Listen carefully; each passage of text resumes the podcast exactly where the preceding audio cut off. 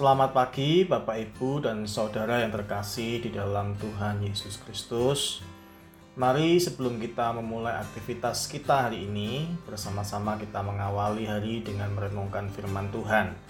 Mari kita membuka nah, kitab kita dari kitab Yesaya pasal 49 ayat 15 yang berkata demikian.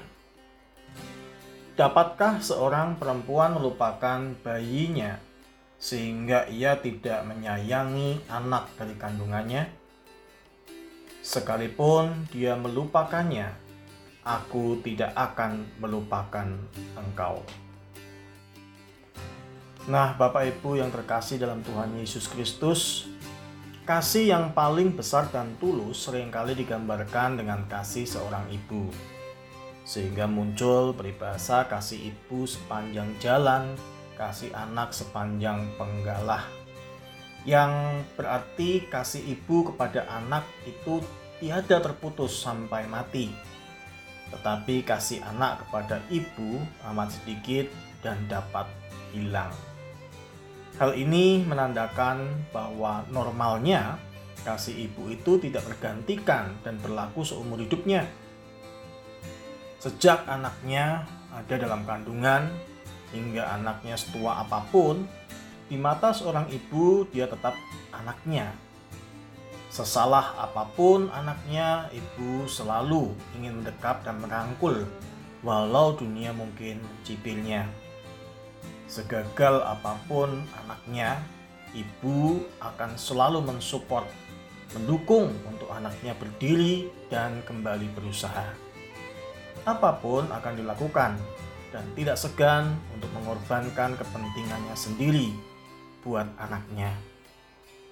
Namun kenyataan di dunia sekarang ini tetap saja kita temui ada ibu yang tidak bertanggung jawab terhadap anaknya, yang membuang anaknya saat masih bayi, yang menelantarkan anaknya bahkan tidak segan mencelakakan anaknya sendiri. Di tengah keadaan umat Israel yang kalah ketika Yerusalem diserbu oleh Nebukadnezar, sehingga mereka dibawa menjadi tawanan ke Babel, bangsa Israel merasa bahwa Tuhan sudah meninggalkan mereka. Dan sudah puluhan tahun mereka menantikan pertolongan Tuhan di tanah pembuangan, tetapi belum ada juga hasilnya atau tanda-tandanya di saat-saat seperti itulah Tuhan mengingatkan bangsa Israel dalam pembuangan melalui Nabi Yesaya, yaitu bahwa kasih Allah itu jauh lebih besar dari kasih seorang ibu kepada anaknya. Inilah yang menjadi penghiburan kita melalui firman Tuhan hari ini, yang hendak menegaskan kepada kita bahwa sekalipun seorang ibu di dunia ini ada yang jahat, melakukan hal yang buruk kepada anaknya, kasih Allah tidak akan pernah melupakan dan menelantarkan umatnya. Tidak akan. Sekalipun seorang ibu bisa mengabaikan kebutuhan kasih bagi anaknya, Tuhan Allah tidak akan pernah melupakan kita, dan Dia akan terus mengasihi kita. Nah, Bapak, Ibu, dan saudara yang terkasih, di tengah pandemi saat ini, ada begitu banyak pergumulan tentunya dan tekanan hidup yang menimpa.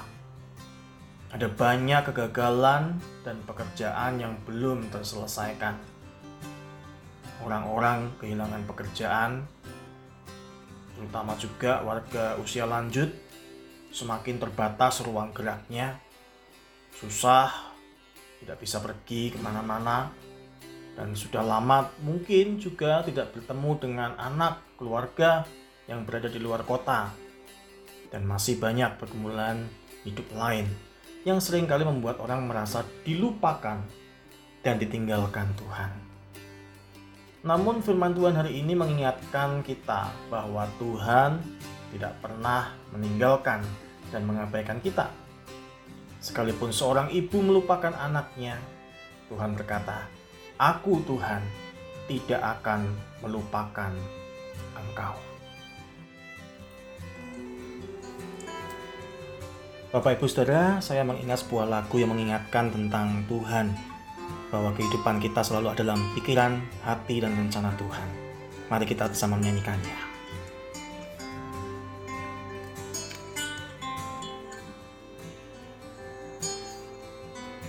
Ku di tanganmu. Ku di hatimu. Di pikiranmu Di rencanamu. Tak pernah ditinggalkan. Ku di tanganmu